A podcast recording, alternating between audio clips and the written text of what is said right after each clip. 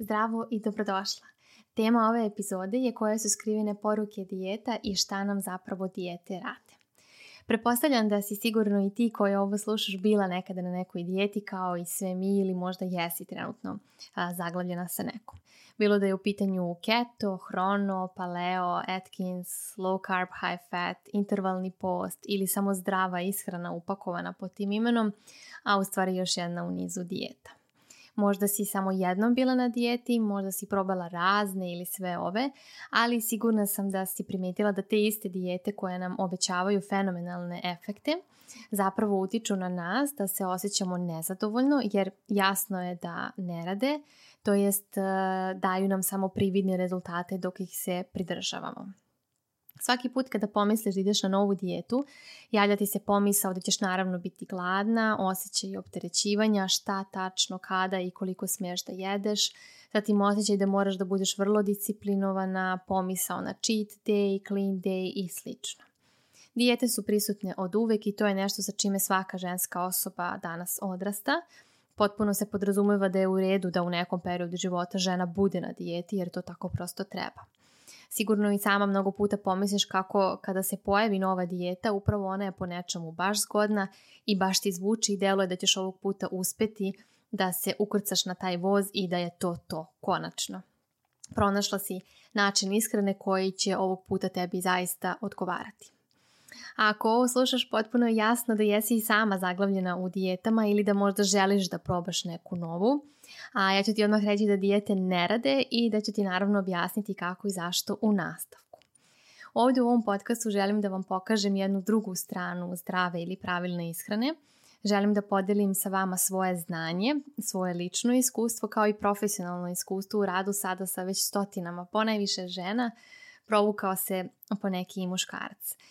zapravo kojima sam pomogla da prevaziđu roller coaster sa svim mogućim dijetama i kojima sam pomogla da pronađu svoj mir sa hranom. A, kako im uvek i kažem, kada pronađeš mir sa hranom, sve ostalo vezano za taj aspekt će doći na svoje mesto, pa tako i fizički izgled koji želimo. E sada jedan kratak podatak o dijetama. A, da li znaš da 95% dijeta se završava neuspehom i to ne mislim neuspeh u smislu da ne uspevaš da se pridržavaš do kraja zauvek, već mislim na sam pokušaj da dijetom dugoročno promeniš svoje tijelo, svoj način ishrane. A zašto je to tako, objasnit ću ti u ovom podcastu. Želim da razbijem svu maglu koja stoji oko razno raznih načina ishrane, dijeta, oko svega čime smo bombardovani online i live okruženjem. Cilj mi je da bolje razumeš zašto dijete ne rade i kako zapravo možeš da živiš oslobođena od ovih stega, pravila i svega što dijete nose sa sobom. Pre svega želim da ti pomognem da ostvariš mir sa hranom. Hranjenje je osnovna fiziološka potreba i to je nešto što radimo svakodnevno i nekoliko puta na dan – tako da ako si stalno u grču i ako su ti misli preokupirane većim delom dana u vezi sa time šta smeš, šta ne smeš, šta bi trebalo ili šta ne bi trebalo da jedeš, onda ti svoje vreme, svoju energiju uzaludno razbacuješ na stvari koje nisu od suštinske važnosti za tvoje celokupno zdravlje. U jednom trenutku osjetit ćeš da se sve vrti oko hrane, prestaješ da uživaš u recimo lepim povodima okupljanja sa prijateljima, rodbinom, proslavama, jer sve o čemu razmišljaš jeste hrana i šta ti smeš ili ne smeš da jedeš. I kada malo vratiš film i razmisliš o prošlosti, sigurna sam da možeš da se pronađeš u ovome i da se setiš da zaista i ti jesi imala, a možda imaš i dalje sve ove brige oko hrane. U ovoj epizodi želim da podelim sa tobom tri saveta kako možeš da se oslobodiš dijeta i koje zapravo možeš da počneš odmah da primenjuješ. Diet culture ili kultura dijeta, ne znam da li si nekada ranije čula za ovaj termin, ali evo pokušat ću ovdje da objasnim značenje. Dakle, diet culture se odnosi na set uverenja, to jest odnosi se na vrednovanje mršavosti, a postavlja se poželjna fizička forma, dakle ovo je važnije u odnosu na opšte zdravlje i dobrostanje organizma. Najčešće se dijeta prepoznaje kao set pravila – recimo podela hrane na dobru i lošu ili zdravu i nezdravu, zatim obsesivno praćenje i računanje unosa bilo kalorija, bilo makronutrijenata, zatim pravila u vezi sa tajmingom jedenja i naravno mnoge druge. Dijeta je jednako mršavost, a to se automatski kategoriše kao zdravo i poželjno – rame uz rame ide i fat shaming, a to je suprotno, dakle da se smatra da su gojazne osobe lenje, osobe bez karaktera, da su neuspešne, dijete isto tako normalizuju negativ self-talk, dakle sve polazi od toga da tvoje telo nije kako treba po nekim univerzalnim i zadatim standardima i dijeta se onda nameći kao rešenje. I ko je na dijeti i ko se iste pridržava, ta osoba se smatra kao moralno superiornija od one koja nije na dijeti. Da ne pričamo i o posmatranju tela kao objekta i konstantno čekiranje dijelova tela.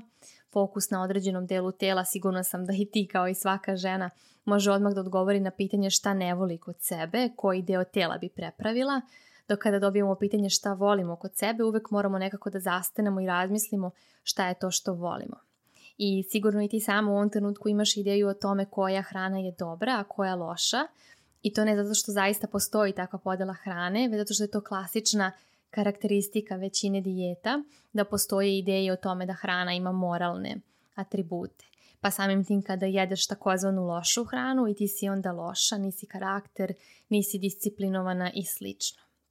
Imaš sigurno momente kada su kao super dani ili loši dani. Super danima se super hraniš, super vodiš računa, a onda imaš one loše dane koji zapravo nisu loši, nego ti veruješ da jesu jer je kultura dijeta tako nametnula da veruješ i dakle stalno se vrtiš u tim ciklusima kada jedeš dobro ili loše po tim nekim a, kriterijumima.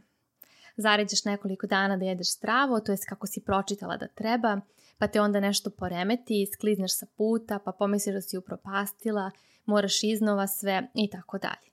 Dakle, klasičan sve ili ništa pristup koji je u osnovi svake dijete. E sada jako je bitno da razumemo da je kultura dijeta svuda oko nas. Svako ko se rodio na ovoj planeti u posljednjih 60-70 godina zna šta je dijeta i sigurno se susreo sa istom u ranom životnom dobu. Bilo da je to bila mama koja je držala dijetu, starija sestra, neka rođaka, komšinica koja se hvali novom dijetom kogod ili si ti upravo sama počela sa dijetom u nekom trenutku osnovne ili srednje škole. Najveći problem koji danas imamo po pitanju ove teme e, dijeta jesu socijalne mreže. Počevši od savršeno ispeglanih fotografija gde se predstavljaju savršeno izvajana tela, zatim fotografije pre i posle i uopšte nerealna prezentacija ljudskog tela, to jest onoga kako jeste u stvarnosti u realnom životu. Počinješ da veruješ da su tela drugih ljudi, to je žena bez mana, da je kod drugih ljudi koža savršeno glatka, da nema celulita, da nema strija, bilo kakvih drugih stvari koje su sasvim normalne. Svaka žena ima celulit i to je sasvim u redu. E, naše tijelo se kroz godine kako smo starije menja, posebno kod žena koje su prošle kroz porođaj i sasvim je najnormalnije da se tijelo menja i da ne možemo da očekujemo da sa 35 godina imamo tijelo kao kad smo imale 18 godina. Iako verujem da si i ti kao i ja sama tada bila nezadovoljna svojim tijelom iz nekog x ili y razloga. A isto tako verujem da iz ovog ugla sada pomišljaš kako sam bila blesava i mislila da treba nešto da menjam sa svojim telom, a pogledaj kako sam super izgledala. Tako da se to isto ne bi dogodilo i za koju godinu, da kada pogledaš fotografiju iz ovog perioda pomisliš isto, mislim da je pravi trenutak da za početak rašistiš sa dijetama. I sada sigurno misliš da, Nado, sve ovo što govoriš jeste super i zvuči logično, slažem se, ali kako da, kako da se izvučem iz tog začaranog kruga dijeta, kako da prestanem da razmišljam drugačije, posebno nakon toliko godina verovanja u sve ovo, a isto tako kako mogu da smršam ako ne držim dijetu. Ovo je isto bitan aspekt koji želim da spomenem, jeste da to što ne bi držala dijetu, ne znači da ne treba da smršaš ukoliko ti to želiš. Sasvim je normalno da imaš oblik tela koji tebi odgovara i koji tebi prija, ali to možeš da postigneš kroz mnogo korektniji način prema sebi i sa mnogo normalnim odnosom prema hrani nego što to pružaju klasične dijete. Svakako kod ove promjene načine razmišljanja bitno je da razumeš da se to ne dešava preko noći E, nećeš se sutradan probuditi i biti u fazonu eh, eto, danas ja više ne padam na dijete, na poruke koje šalje, više mi nije važno da li je moje telo ovakvo ili onakvo. To je zapravo proces koji traje i za koji je potrebno e, da se uloži malo truda.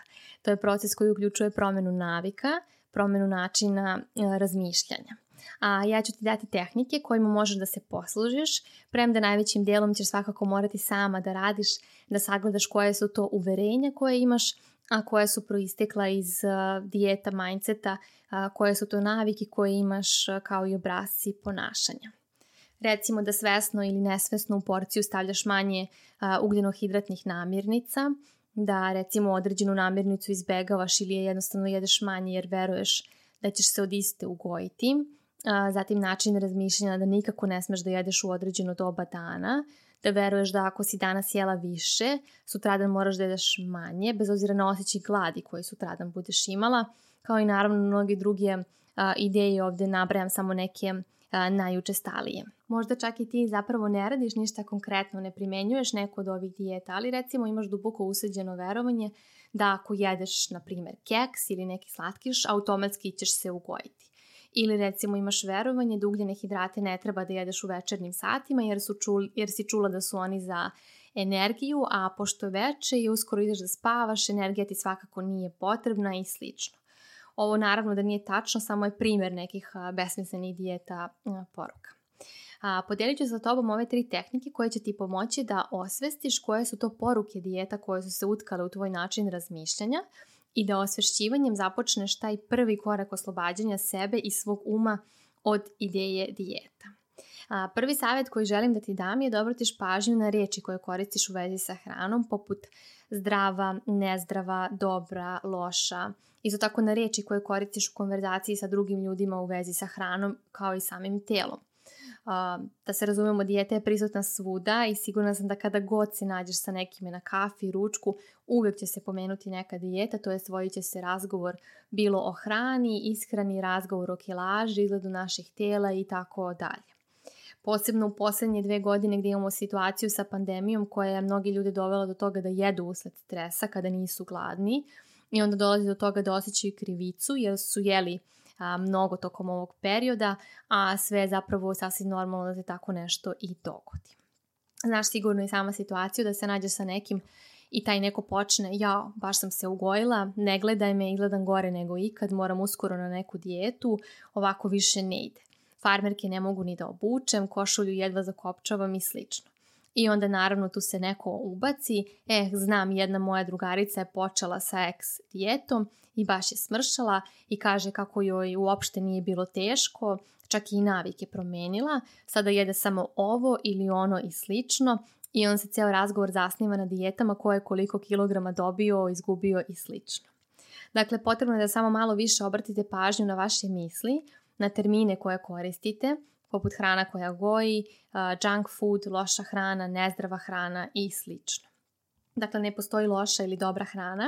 Naravno da postoji hrana koja je više bogata nutrijentima i ona koja ih sadrži manje, ali to ne znači da je jedna superiornija u odnosu na drugu. Isto tako kada se nađeš u situaciji da neko započinje razgovor o ishrani dijetama, ti jednostavno samo reci, hej, hajde da ne pričamo o dijetama, hajde da pričamo o nečemu drugom. Samo promeni temu i imaš sve pravo da o tim dijetama i ne pričaš. Dakle, svesnost kada izgovaraš ove termine u vezi sa hranom. Zatim savjet broj 2, a, prepoznaj da mršavost nije jednako zdravlje.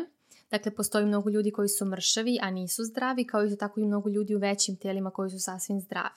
Kao što svi imamo drugačiju boju i oblik očiju, drugačiju boju kose, frizuru, boju kože, tako imamo pravo da imamo i različitu formu tela ne moramo svi da budemo veličina S, za nekoga to prosto nije prirodna veličina, to jest veličina odeće koja odgovara telu. To što neko nosi veličinu S uopšte nije superioran u odnosu na osobu koja nosi veličinu L. I moj posljednji savjet je da se oslobodiš stvari koje te asociraju na dijetu, korak koji često nije lak, ali je vrlo oslobađajući, dakle da instalira sve aplikacije koje su merile koliko jedeš, koliko smiješ da pojedeš, vagu za merenje telesne mase u potpunosti izbaci, zaboravi da iste postoje, santimetre i sve ostalo što te asocira na period kada si bila preopterećena time kako tvoje telo izgleda. Isto tako i socijalne mreže, dovoljna je sekunda pogleda na fotografiju na kojoj se nalazi telo određene osobe da se u tebi pokrene proces upoređivanja i da ti se raspoloženje u sekundi izmeni retuširane fotografije nisu stvarnost i znam da i ti sama to znaš, svesna si, ali opet iznova i iznova poveruješ u iste i dovodiš sebe u situaciju da ti je dijeta jedino rješenje kako bi svoje telo dovela u formu da izgleda kao nečije drugo telo.